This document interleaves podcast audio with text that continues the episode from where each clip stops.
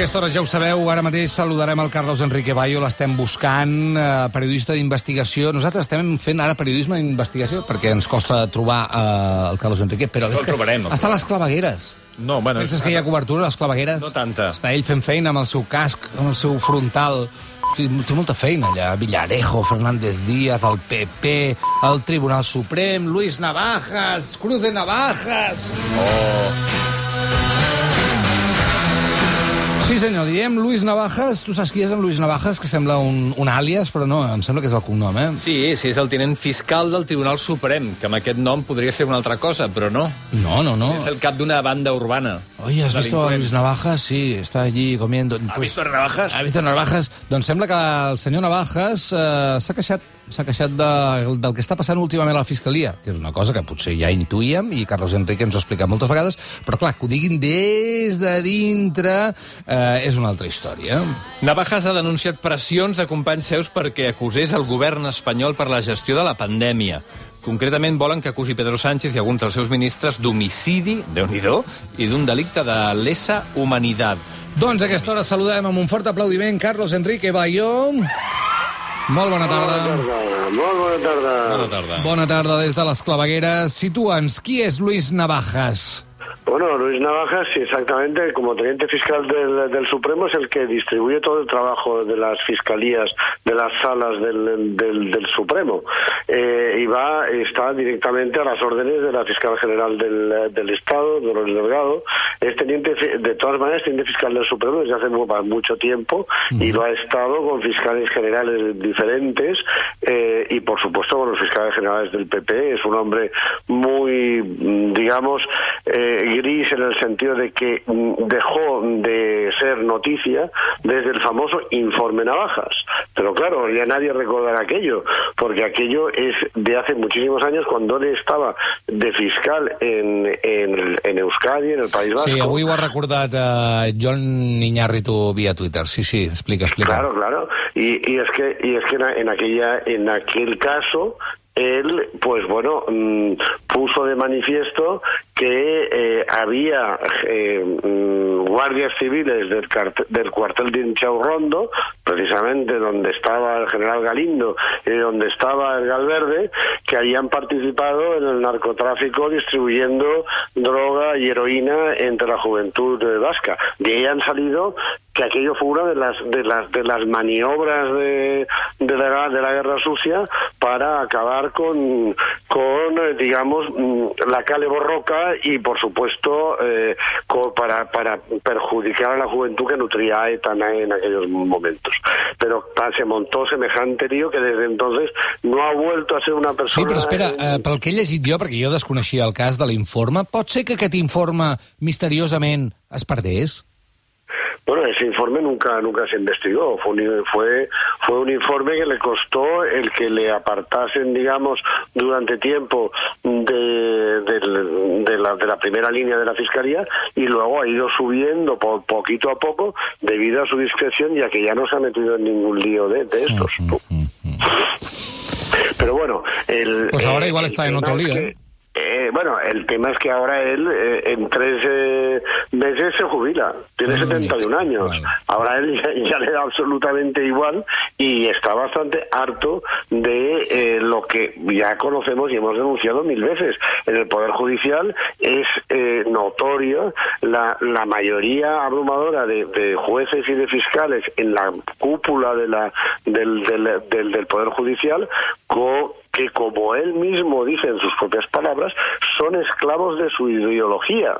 Es decir, que lo que hacen es estar contaminados políticamente y, y como y como tan, también él, él dice, pues pues que lo que no puede hacer ni un fiscal ni un juez es que la ideología trascienda de su cabeza al papel, No. que es como lo, ha- lo ha planteado él mismo, ¿no? Porque claro, uno de los valores más altos que debe tener el Ministerio Fiscal es la imparcialidad y la objetividad. Pero claro, Consuelo Madrigal y bueno, también el otro, aunque no lo quiso identificar, eh, hay fuentes que dicen que es Fidel Cadena, que el Fidel Cadena, el Fidel Cadena Serrano es ni más ni menos que ahora el fiscal jefe de sala de la sala de lo penal, que es, que es la que además se ocupa de, de, de todos los temas de aforados, desde el emérito hasta todos Vale. los casos de corrupción de los de los más altos cargos del ejecutivo del, del PP. Uh, Carlos Enrique, situem-nos, eh, perquè costa una mica a vegades seguir la història. El fiscal Navajas, de sobte, diu i que hi ha pressions o que ha rebut pressions per acusar o perquè es vol que s'acusi Pedro Sánchez i algun dels seus ministres i deixar-lo malament per la gestió de, del Covid, de la pandèmia. No, bueno, eh, el asunto es el siguiente. Había ya eh, 30 denuncias eh, presentadas algunas por Vox. Vox Sí. es el que el que pretendía acusar de homicidio y de crímenes de lesa humanidad al, al gobierno por por, por haber mm, bueno sí. mm, eh, eh, eh, declarado el estado de alarma y por por supuestamente haber sido negligentes en la gestión de la Clar, de però la, pandemia. la majoria d'aquestes accions hem vist que la Fiscalia s'ha oposat a, a acusar, no? Bueno, es que el asunto es que él, eh, eh, una de las cosas que, que, ¿por qué ha hablado Luis Navajas? ¿Por qué? Porque, porque siendo teniente fiscal del Supremo y por lo tanto el máximo fiscal del Supremo, era el que tenía que hacer el informe sobre todas esas, de- esas de- demandas y denuncias, querellas criminales contra el Ejecutivo. Y finalmente lo hizo sin reunir a la sala de fiscales y consultarlo con todos en público. Y dice, ¿por qué? Porque dice, yo con esta tropa no podía entrar a debatir. Pero es que él lo ha dicho así mismo él. Porque claro que si están contaminados políticamente y lo que quieren es, como sea, empurar al, al Ejecutivo porque les parece que eh, estamos hablando de los fiscales jefes del Supremo. sí, sí, sí. Eh, eh, porque les parece que están demasiado a la izquierda y por tanto lo que hay que hacer es derribar el, el gobierno desde, desde la judicatura, pues, pues bueno, es que, eh, a ver, eh, Consuelo Ma- Madrigal, que fue fiscal general... I tant, la recordem, en el judici del procés. Por el PP fue fi- fiscal en el, en el proceso, pero Fidel Cadena también, ¿eh? porque era Sí, el fiscal Sí, sí. de jefe de, de sala de lo, de lo penal. Pero es que, ¿qué hizo? Publicó en El Mundo el 4 de, de mayo un artículo que fue, eh, que además eh, lo califica de soflama contra el gobierno, el propio eh, fiscal, teniente fiscal del, del Supremo, Luis Navajas, que decía la sociedad cautiva, en el que de- decía que el, el estado de alarma era un verdadero estado de excepción. Esto, esto una, una persona que ha sido fiscal general del, del Estado y, y algo- un cargo que nombra directamente además el, el Ejecutivo. Y, y claro, y, eh, es una auténtica soflama porque, bueno, ¿qué es lo que está haciendo ahora precisamente el PP en Madrid? Pues no tiene más remedio que aplicar las mismas medidas, pero sin la capacidad real de, de, de, de limitación de movimientos, con lo cual el lío que hay montado es tremendo. Pero bueno, hay que pensar quién es Consuelo Madrigal, porque si ella está, eh, es esclava de la ideología derechista claramente y está contaminada políticamente contra Sí. co- contra el ejecutivo por ser de, de izquierdas pues no era lo suficientemente eh, dócil y a la derecha para el PP porque precisamente en el 2016 cuando lle- llevaba menos de la mitad de su mandato la, la, la destituyó y la cambió por José Manuel Maza el famoso José Manuel Maza que hizo toda esa digamos mm,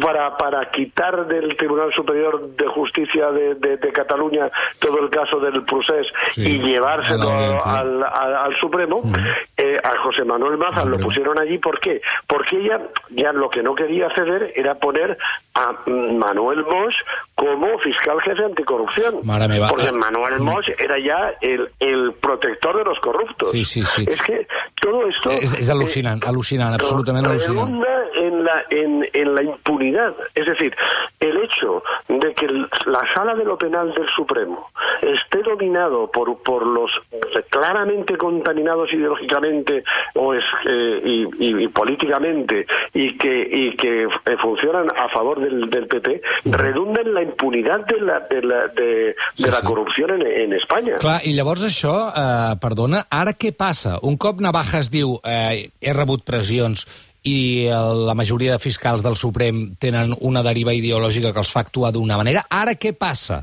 amb aquesta denúncia? Bueno, ahora ha abierto, finalmente ha abierto una investigación eh, Dolores del, de, Delgado, como se debería haber hecho en muchos otros casos. Però això anirà a algun lloc? Clarísimo. Anirà a algun bueno, lloc, això? Ahora veremos si va hacia algún sitio, porque claro, como el enfrentamiento político ha salido allí casado a decir unas barbaridades ahora mismo sobre el que se empieza a tramitar los indultos solicitados para los para los presos del del del del, del, proceso, del, del Sí, sí. diciendo que dice que lo recurrirán, si hay indultos, lo recurrirá ¿dónde? Al Tribunal Supremo.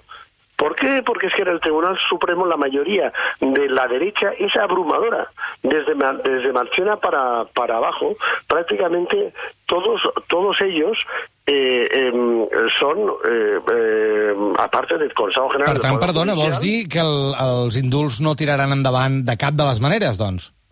No, no, los, los indultos eh, pueden ser aprobados perfectamente porque ¿Ah, es, un, es un poder del Ejecutivo y lo único que pueden hacer es recurrirlos ante el Supremo Sí. y que entonces que el Supremo eh, abra un procedimiento sobre el, eh, el- el- realmente eh, el, si ese indulto es justificado o no, cosa que es absolutamente también sin, sin precedentes.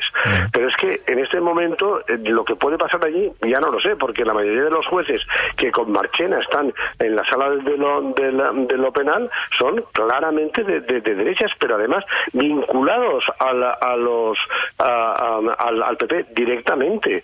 Es decir, hay un fiscal general del Estado que nombró personalmente a Rajoy, Julián Sánchez eh, Me- Melgar, un antiguo senador del, del PP, un magistrado del Opus Dei, un expresidente de la superconservadora Asociación Profesional de la Magistratura, que, que conocemos muy bien porque es Pablo Llarena.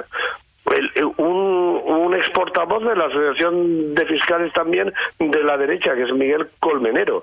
Sigo, pero, pero es que está clarísimo, o sea, está escorado, no, es, está sesgado de una manera tremenda. Y, eso? Nos lo han re- recriminado en Europa. Carlos Enrique, això anirà pitjor perquè també hi, ha, hi haurà nomenacions al Consell General del Poder Judicial a finals de mes, no? I també tiraran cap a la Claro, banda es que, conservadora. es que el día 30 tienen que elegir a otros tres.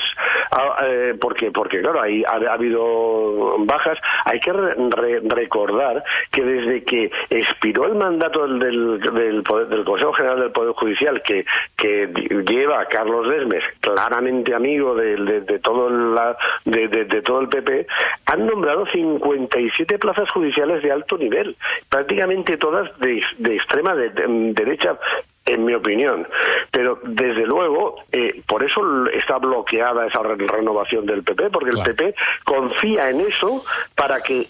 A ver, en noviembre del 2018 había un acuerdo parlamentario para, renovar el, eh, el Consejo General del Poder Judicial y apareció un WhatsApp del que era portavoz del PP en el Senado y casualmente exdirector general de la Policía con Fernández Díaz e Ignacio Cosidó, en el que de- de- de- decía que el PP seguiría controlando la sala penal del Supremo desde detrás si ponían a Marchena a presidir el Poder Judicial, porque seguiría controlando eh, el, eh, la sala de lo penal, que es la que con- la que lleva los cargos de corrupción de el emérito y de, y de Rajoy y de Fernández Díaz. ¿Por qué? Porque daba por supuesto que Manuel Marchena trabaja para ellos.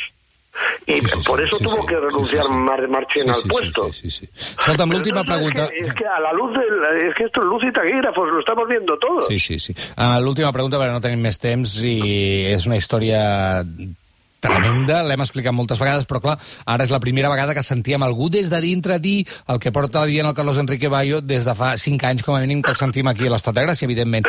Això vol dir, entre altres coses, eh, tu creus, eh, seguint una mica l'estela del que diu Navajas, tu creus que la posició de la Fiscalia en el cas dels presos polítics, més enllà del que vam veure, eh, és clarament ideològica i clarament polititzada, el que van fer durant el procés del judici? Bueno, es que son los mismos que eh, el propio teniente fiscal del, del, Supremo, que ya no tiene nada que perder, y que porque ya tiene 71 años y ya puede decir lo que realmente opina, dice que son esclavos de su ideología, porque, porque son esos mismos.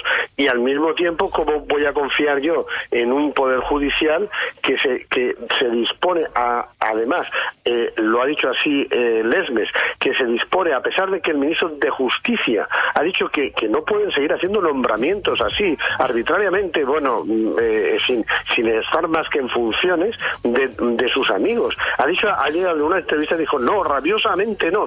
Dice, ha dicho Juan Carlos Campos, el ministro de, de Justicia, pues se dispone a sustituir. Hay que tener en cuenta de los tres puestos que tiene que sustituir, dos son de, de, de progresistas. Luciano Varela, Alberto Ba- Barreiro eran, Sí, eran sí. magistrados progresistas.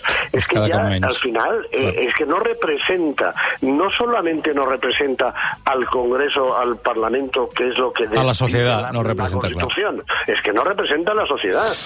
Carlos Enrique Bayo, de veritat, moltíssimes gràcies per ser amb A nosaltres cada setmana, de veritat. Una Adéu. abraçada. Adéu. Adeu.